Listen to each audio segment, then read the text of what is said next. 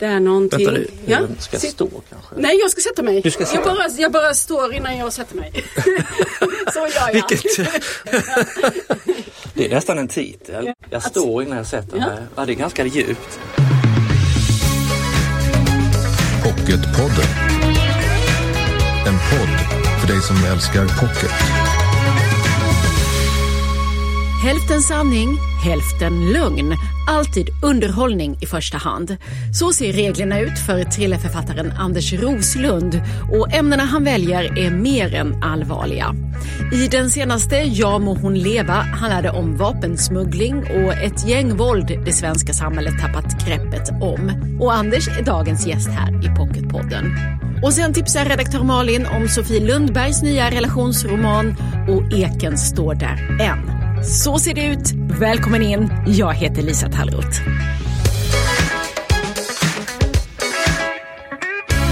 Romanen vi ska prata om nu, Ja må hon leva, den öppnar med en extremt brutal händelse. En familj mördas hemma i sin lägenhet och den enda som överlever är en femårig flicka som suttit gömd. Henne hittar så småningom polisen Evert Gräns och räddar till ett nytt liv med ny identitet. Men 17 år senare händer något som får Gräns att inse att den här flickan, som nu då är kvinna, hon är avslöjad och i akut fara. Tillbaka är också infiltratören Pete Hoffman. Han är ju en man med extremt många fiender bland kriminella eftersom han i tidigare böcker ju satt dit flera av dem. Och den här gången dras Hoffmans egen familj in i ett utpressningsdrama. Den här historien löper från den organiserade brottsligheten i Stockholm till en av vapensmugglingens hubbar i Albanien. Anders Roslund, välkommen hit. Tusen tack. Och de där två bitarna, flickan som står där på sitt födelsedagskalas och är alldeles ensam och Peter Hoffman, infiltratören som eh, lever ett annat liv idag, försöker leva ett hederligt liv. De två världarna kommer också mötas. Vi ska strax prata mer om vad den här historien innehåller. Men först vill jag ändå nämna att du ju under många år skrev i författarduon Roslund och Hellström. Och det var ni som tillsammans skapade såväl kriminalkommissarie Evert Gräns som infiltratören Peter Hoffman. Och tillsammans skrev ni sju böcker. Men så hände det att Börje Hellström gick bort i cancer för snart tre år sedan. Och det är nu du ensam som tar hand om de här karaktärerna och för berättelserna vidare. Och hur är det att det nu endast står Roslund på böckerna? Det är mer omvälvande än man tror. Vi träffas ju alltså genom att jag engagerar mig väldigt mycket i en förening som heter KRIS, Kriminellas revansch i samhället, som Börje är en av grundarna till och vi träffas där, förälskar oss i varandra platoniskt. Börje kunde man aldrig prata fotboll med eller, eller eh, sånt som män kanske pratar om ibland, men däremot så förenades vi i allt det där som har med upprättelse, brottsoffer, hur går du vidare efter ett brott, vad är konsekvenserna av brott? För vi delade väldigt mycket tankar från vår barndom, vi delade väldigt mycket som vuxna också. Så trots att vi var så oerhört olika på utsidan och vi kunde ju inte enas om ens vilken musik vi skulle ha i bilen när vi körde till eh, biblioteket i, i Gävle eller någonting för att ha föredrag. Det gick absolut inte. Vem ska gå först genom dörren? Vad ska vi äta för lunch? Ingenting gick att... Men att vara människa och, och ha idéer om humanism och så, där var vi klockrent parallella. Och i det här att vi båda rotade, jag hade ju rotat i konsekvenserna av våld. Vad är det här jävla verktyget våld som är till för att forma människor, för att tygla människor? Och hur påverkar det både gärningsmannen och, och brottsoffret? Där möttes ju vi exakt. Vi tyckte ju att vi hade mer kunskap än alla andra, inklusive Leif GW, om brott på varsitt håll. Och, eh, För du hade ju jobbat som journalist i många år och rapporterat för Om- SVT om, ja, som krimreporter. Det, det hade jag gjort och jag hade, ja, jag hade jobbat som övervakare åt våldsamma unga män sen jag fick göra det och, och av, av mina personliga skäl. Och Börje hade ju sina ingångar som ex-kriminell, ex-droganvändare. Och vi tyckte att vi ville göra någonting annat. Det här var en tid när kriminalromanen var så, den var ganska självdöende. Nu är du Eh, nere på 90-talet. Nu, nu, nu i slutet av 90-talet så, så, eh, och det var där vi träffades. Vi träffades 1997. Och då började vi skriva om hälften sanning, hälften lögn. och tänkte det är vårt recept, så här ska vi göra. Men det är ju alltid storyn, alltid plotten, alltid underhållningen. Annars kan man gå tillbaka och göra dokumentärer som jag gjorde förut. Grunden var ju alltså att vi kan inte bara följa en kriminalkommissarie från A till Ö. Vi måste ha olika perspektiv. Vi måste ha en gärningsman, vi måste ha brottsoffer, vi måste ha drivkrafterna på båda sidor. Vi måste ha en, en hel karta, en ensembleroman. Och det funkade jättebra. Vi gav ut box 21 redan innan trafficking var känd och vi, man sa att men sånt där finns ju inte egentligen.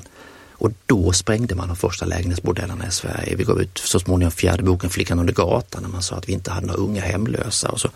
Den boken fick ju ändå tillsatt nya medel till de unga hemlösa. Men vi kände ändå att vi saknar någonting för brott är gränslöst. Vi måste skapa någonting nytt. Och då hade jag en idé om en, en person som var infiltratör som kom att heta Piet Hoffman. Och han kunde ju röra sig ut och in i kretsar som en kriminalkommissarie som ska hålla sig på Sveavägen där han bor och Bergsgatan där han jobbar inte kunde göra på ett trovärdigt sätt. Och då föddes Piet Hoffman eh, som var en kriminell person som svek och som också byggde på, på riktiga karaktärer som man diskuterade mycket då, det vill säga att polisen har en person men formellt får vi inte jobba med kriminella som är infiltratörer i Sverige. Det var på amerikansk film man får göra det, eller i USA. Så så fort de här åkte dit, åkte fast, så, så sa man vi vet inte vem han eller hon är. Och då födde vi den första boken som heter Tre sekunder. Eh, där han skulle åka in i fängelse för att där infiltrera. Sen slutade jag börja skriva trots att jag tyckte att jag hade en väldigt bra idé på tre minuter, tre timmar, tre dagar, tre år. Nu fattar hur bra jag är på titlar va? Så, ja, det kan man säga en slags, nu fick den här heta Ja må hon leva, men den hade kanske också kunnat heta då Tre dagar för det är en, ett nerryck på omslaget kan man säga. Jo men så är det och, och, så tre minuter skrev vi om narkotikahandeln som börjar i Colombia och som slutar i ett hörn i Norsborg eller så. Och sen så gick vi verkligen skilda vägar 2014 och då skrev jag tre timmar som handlar om människohandeln över Medelhavet där fortfarande Gräns och Hoffman eh, samarbetar. I den vevan blev Börje sjuk, fick cancer och jag sa till mitt förlag då som var ett annat förlag, Piratförlaget, att vi kan inte ge ut den här boken när Börje håller på att slåss mot döden. Så jag kan inte dricka champagne då, det funkar inte. Så den ställdes på hold tills han skulle kämpa ut det här. Det blev inte alls så utan Börje gick bort, min gode familjemedlem som jag hade gått separata vägar med och det är det enda som är okej okay i det här är att vi slutade själva vårt författarskap, inte döden. Och sen gavs tre timmar ut och sen så kände jag att jag funkar inte längre på mitt gamla förlag. Jag går ju dit och det enda folk ser är den som saknas, inte den som kommer. Vi var ju liksom en gemensam logotyp även om vi hade separerats. Och då eh, hamnade jag på Bonniers, vilket jag är väldigt glad för. Och där blev tre dagar för att skilja sig lite åt, Ja må hon leva. Och tre år som kommer nu i sommar blev Sov så gott. Tycker du att du har eh, tagit de här figurerna, de var ju väldigt väl etablerade, Evert Gräns och även Piet Hoffman hade ju hunnit vara med ett tag. Men eh, tycker du att eh, det har tagit någon annan riktning nu, berättelserna? I grunden är det ju samma. Det var inte heller någon hemlighet sen att det var jag som skrev och därför så är det jag också som fyller karaktärerna och tonen och så. Så i grunden är ju både tempo och dramaturgi på något sätt, hoppas jag man går, kan känna igen. Men det är väl klart att om Roslund slåss mot Hellström hela tiden för att få igenom sina idéer så slåss han nu bara mot Roslund själv och då kan man skruva lite grann. Så jag ville nog fördjupa Gräns, få honom att bli något mjukare kan man väl säga. Han öppnar sig till exempel för Hoffmans barn och hittar, man kan tydligen prata med barn också inser han i 60-årsåldern. Men du, innan vi går in på själva plotten, får jag bara stanna lite vid det här som jag nu hör när du pratar, nämligen att det finns ett väldigt starkt patos som driver ditt författarskap. Här finns ett ärende att berätta, att förstå, förklara och det är ju då delvis väckt av dina personliga erfarenheter i uppväxten. Är det korrekt uppfattat? Alltså, vi skulle inte ens hållit på med det här om inte det här för det, det är inte det som är uppdraget är inte att informera eller diskutera, men utan den konsekvensen att man kan om man vill få följa med till världar där man inte har varit förut och kanske förstå brottslighet eller åtminstone eh, ta del av den på ett annat sätt så, så hade jag inte hållit på med det här. Helt meningslöst. Men, men varför kan det inte få vara uppdraget som du ger dig själv? Därför att då är det lätt att gå bort sig i budskap och budskap och budskap och då glömmer man bort. Jag tycker det finns många som på något sätt skriver samma roman om och om igen eller gör samma låt eller gör samma film. Det vill säga börjar man bara med budskapet så glömmer man bort plotten. Plotten är kriminalromansförfattarens stora hand som man ska hålla i. Om inte den är tillräckligt bra eller om jag tar ett gammalt trick och försöker göra om det igen, då får jag faktiskt gå hem och skriva om igen. Så att budskapet, det är det jag lägger tid på. Jag håller på i ett år, jag besöker varenda liten plats. Det handlar om, som i tre minuter om Colombia, då måste jag vara i djungeln i Colombia med drogkartellen och förstå hur det funkar. Jag har aldrig någonsin varit så rädd som när jag var där, även om jag har levt med livvakt förut i Sverige så, så där var verkligen livet ingenting värt. Men om jag inte gör den resan, så att alla de procenten av boken är som de ska vara, och ur den kan man göra historien, det fiktiva och sen dra det till någon slags konklusion. Jaha, vi har alltså bordeller i Sverige idag eller vi har unga hemlösa som det var då. Att arbeta med de frågorna och kanske förstå till exempel i Två soldater varför vill en nioårig pojke leva resten av sitt liv i kriminalitet? Varför säger han till mig när jag träffar honom utanför rättegången, det gänget vi följde i två, tre år, boxar han mig på armen när hans idol, 18 år, ska, ska liksom eh, in på sin första rättegång och säga du Anders, en dag ska jag också sitta i fängelse. Fattar du Anders? Den kullerbyttan, att få ner den i en kriminalroman och kanske förstå den på något sätt. Utan det drivet så hade vi inte skrivit kriminalromaner och jag hade inte fortsatt. Och varför, varför är du så intresserad av våld och brott som du sa från början? Alltså det kommer ju förstås som, jag vill inte gå in på det, men som barn, eh, om, om man lär sig att våld mm, kan man finnas runt omkring en, hos en, på en.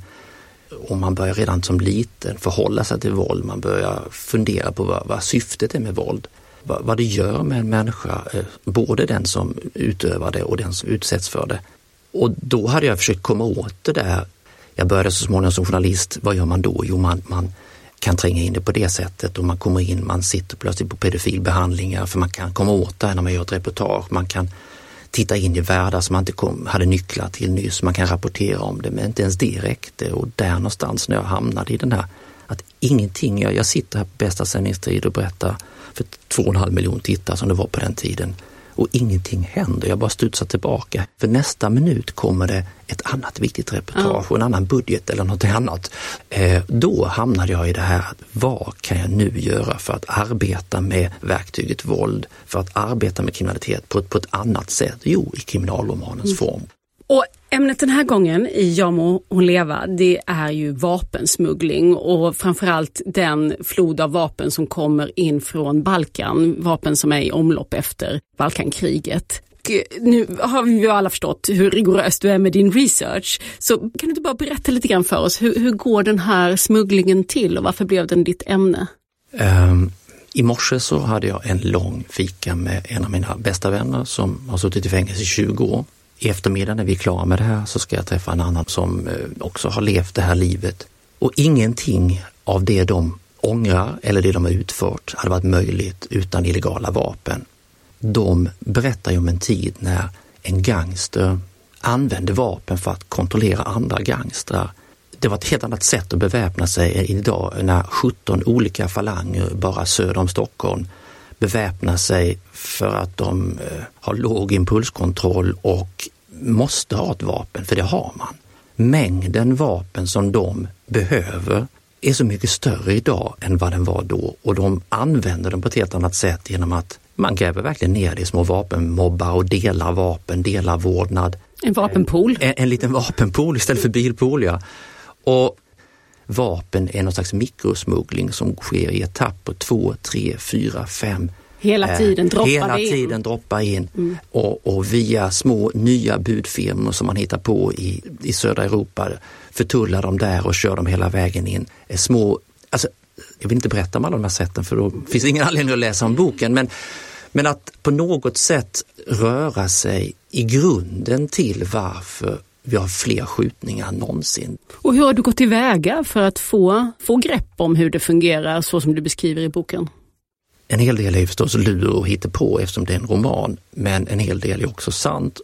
Dels hade jag ett nät redan från början, dels hade Börje ett jättenät av kontakter. Sen är det så märkligt och intressant i den här världen. Har man skrivit 12 kriminalromaner som jag har gjort nu, så blir det lättare och lättare, det blir snarare inte svårare för att det är en liten begränsad värld där har man då varit reko, det vill säga inte glorifierat någon men man, man skrev bara om det vi kom överens om, man använde bara det, man blottade inget ansikte utan man blandade ihop. Så rekommenderar man varandra mig då i det här fallet. Han kan du prata med, du kan visa honom det. Men då är det alltså mer eller mindre ljusskygga personer, ja, kriminella ja, ja. som själva är en del i den här vapenhandeln eller känner till den som, som du har pratat med. Det är inte, det är inte poliser? Och... Ja det också förstås men som i det här fallet så är det betydligt fler kriminella än poliser. När det var Bock till exempel så var det ju de, polisens fina utredningsavdelning som, som vi jobbade med och för att komma i kontakt andra hållet. Men i det här fallet så har jag rört mig mycket, mycket mer i, i det i kriminella kretsarna än i, i de legala. Men hur är det?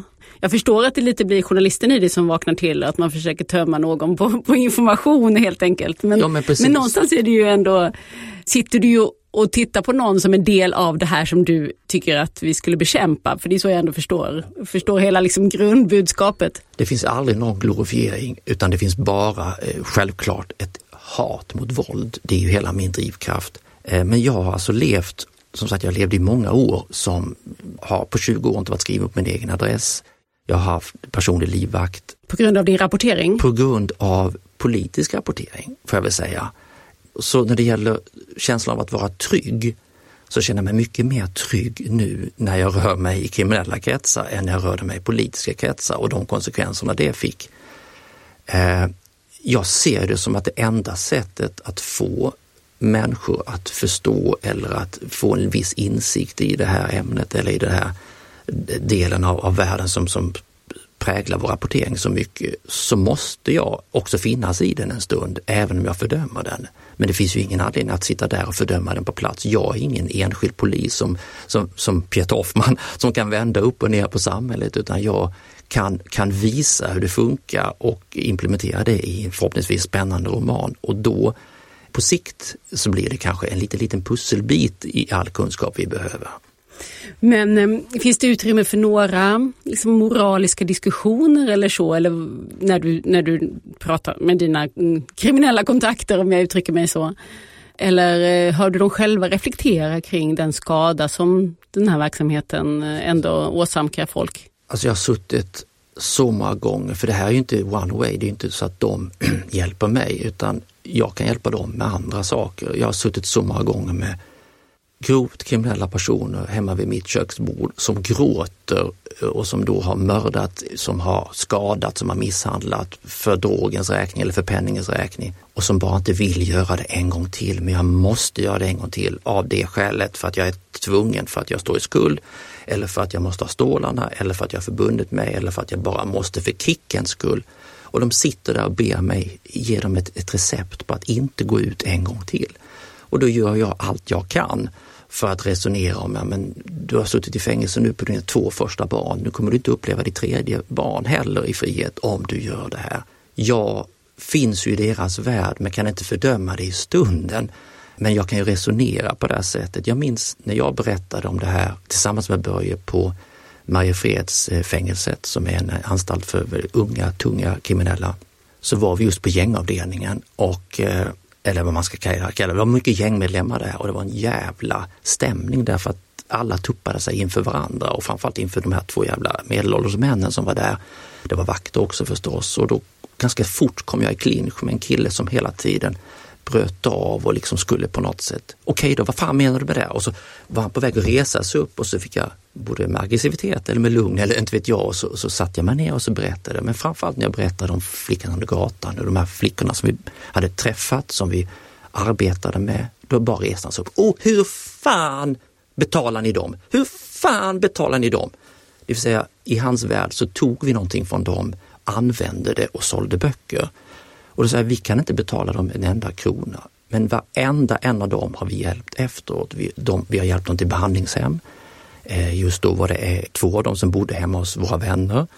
Jag kunde berätta om, om någon som det gick bra för och någon som det gick mindre bra för, men vi gav dem vad vi kunde. Okej, okay, sa han, jag fattar. Och så satte han sig ner igen tills nästa konfrontation. Så att man kan ju aldrig göra skillnad i stunden för, för det är som att säga till någon du vet att vi har höjt straffen för mord så du ska nog inte begå det. I, i stunden tänker ingen mördare så, i stunden tänker ingen kriminell vad det finns för konsekvenser. Men man kan så gott det går efteråt i alla fall eh, ja, göra just det här. Du känner du att du har liksom ett personligt eh, ansvar gentemot de här människorna som du kommer i kontakt med också bara för intervju och alltså att försöka hjälpa dem på något sätt? Ja, mitt personliga ansvar är ju framförallt att prata med dem så oerhört mycket innan och säga att nu gör vi det här och jag kommer använda en del av din bok. När du ser det så finns det på riktigt, fast det inte är du så finns Alltså jag måste ju ge dem alla, alla chanser att reflektera också. Inte bara dyka in, ta med mig och gå vidare. Så det tycker jag är ett ännu större ansvar att försöka sätta in. Så jobbade jag mycket som journalist på när man gjorde de här långa reportagen på Aktuellt eller på dokumentärerna. Det var många som inte sändes för att jag helt enkelt var dum nog att tala om, du fattar att du ska sitta för två miljoner tittare nu va. Det här kommer betyda inte bara kicken du upplever nu utan det kan betyda en baksida. Och då kanske de drog sig undan men då kan jag leva med mig själv efteråt utan att eh, ha förvärrat någonting i alla fall. Mm. Um, Pete Hoffman, honom vill jag prata lite mer om för han där, där har jag verkligen funderat på, för han är ju lite, och nu är han ju också filmatiserad med Joel Kinnaman i huvudrollen, så det är lite honom jag ser framför mig. Är han liksom lite en del av, är han lite en del av det som du kallar lögnen? Eller finns det sådana här infiltratörer inom svensk polis? Något de då aldrig skulle erkänna själva. Ja, alltså vi jobb, när, när vi skapade Tre sekunder så jobbade vi både med polis och vi jobbade med infiltratörer som, precis som Hoffman hade infiltrerat 7, 8, 9 år. När de blev påkomna så brändes de av polisen. En av mina goda vänner jobbar fortfarande som djup infiltratör åt polisen trots att de säger att de inte har några. Och jag har flera gånger pratat med infiltratörer och frågat vad är, vad är grejen? Jag fattar inte det, men det är ju så diffust. Varför började man begå brott? Varför gör man det här? Jo, att kicka, det, det är någonting som, som bara börjar och som, och som pågår. Så att infiltratören Peter Hoffman baserar sig på ett antal verkliga karaktärer då. Och han har fått i böckerna blivit lite mer, ända till nu i sommar, boken som kommer som heter Sov så gott i sommar. Men fram till den så kommer han vara lite mer hjälte än vad jag egentligen tycker man ska vara i böcker. Mm.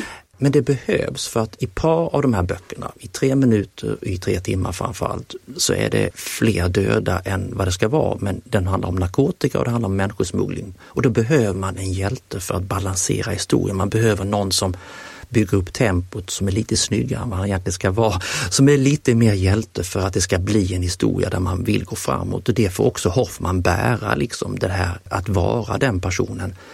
Och du frågade tidigare vad har blivit annorlunda. Gräns har blivit annorlunda, han har blivit lite mjukare. Men också de andra runt om har blivit tydliga. Jag ville nog ha familjen tydligare, barnen tydligare. Jag vill inte Börje men nu när jag bara slåss med mig själv så kan man göra Hugo och Rasmus som pojkarna heter, man kan göra fru Sofia lite tydligare så att i den här boken, ännu mer Sov så gott, ännu mer i nästa bok, är de liksom tydliga spelare, verkligen djupa karaktärer på ett annat sätt.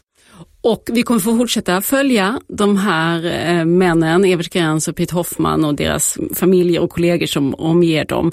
Eh, här i sommar så kommer den femte delen, som du redan varit inne på och nämnt, Sov så gott. Precis, nu får deras samarbete en annan klang och det, det gör någonting annat med dem. Eh, det är väl klart att de ska utreda ett brott men det händer så mycket mer med dem än vad de hade tänkt sig den här gången och det var skönt att till exempel hjälten Peter Hoffman fick vara lite mindre hjälte Tusen tack Anders Roslund för att du kom hit nu då med pocketaktuella Ja må hon leva och nästa bok snart aktuell här i sommar, Sov så gott. Tack så hemskt mycket. Pocketpodden.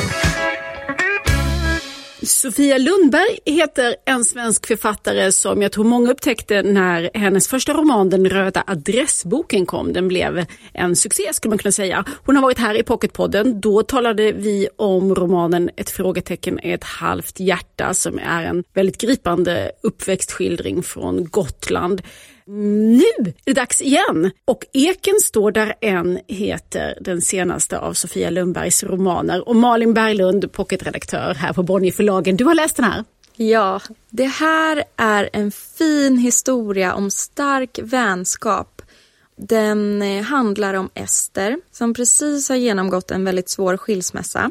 Och eh, hon, när helgerna utan sin son blir alldeles för svåra, då brukar hon promenera till en gammal ek. Och en dag när hon sitter vid sin ek så kommer en eh, kvinna dit som heter Rut.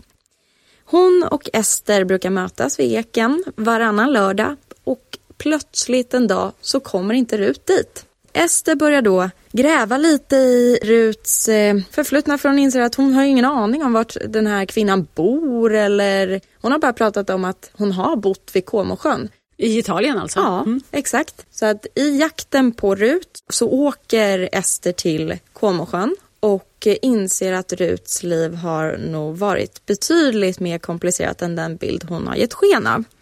Sofia Lundberg har förmågan att göra sina karaktärer så levande.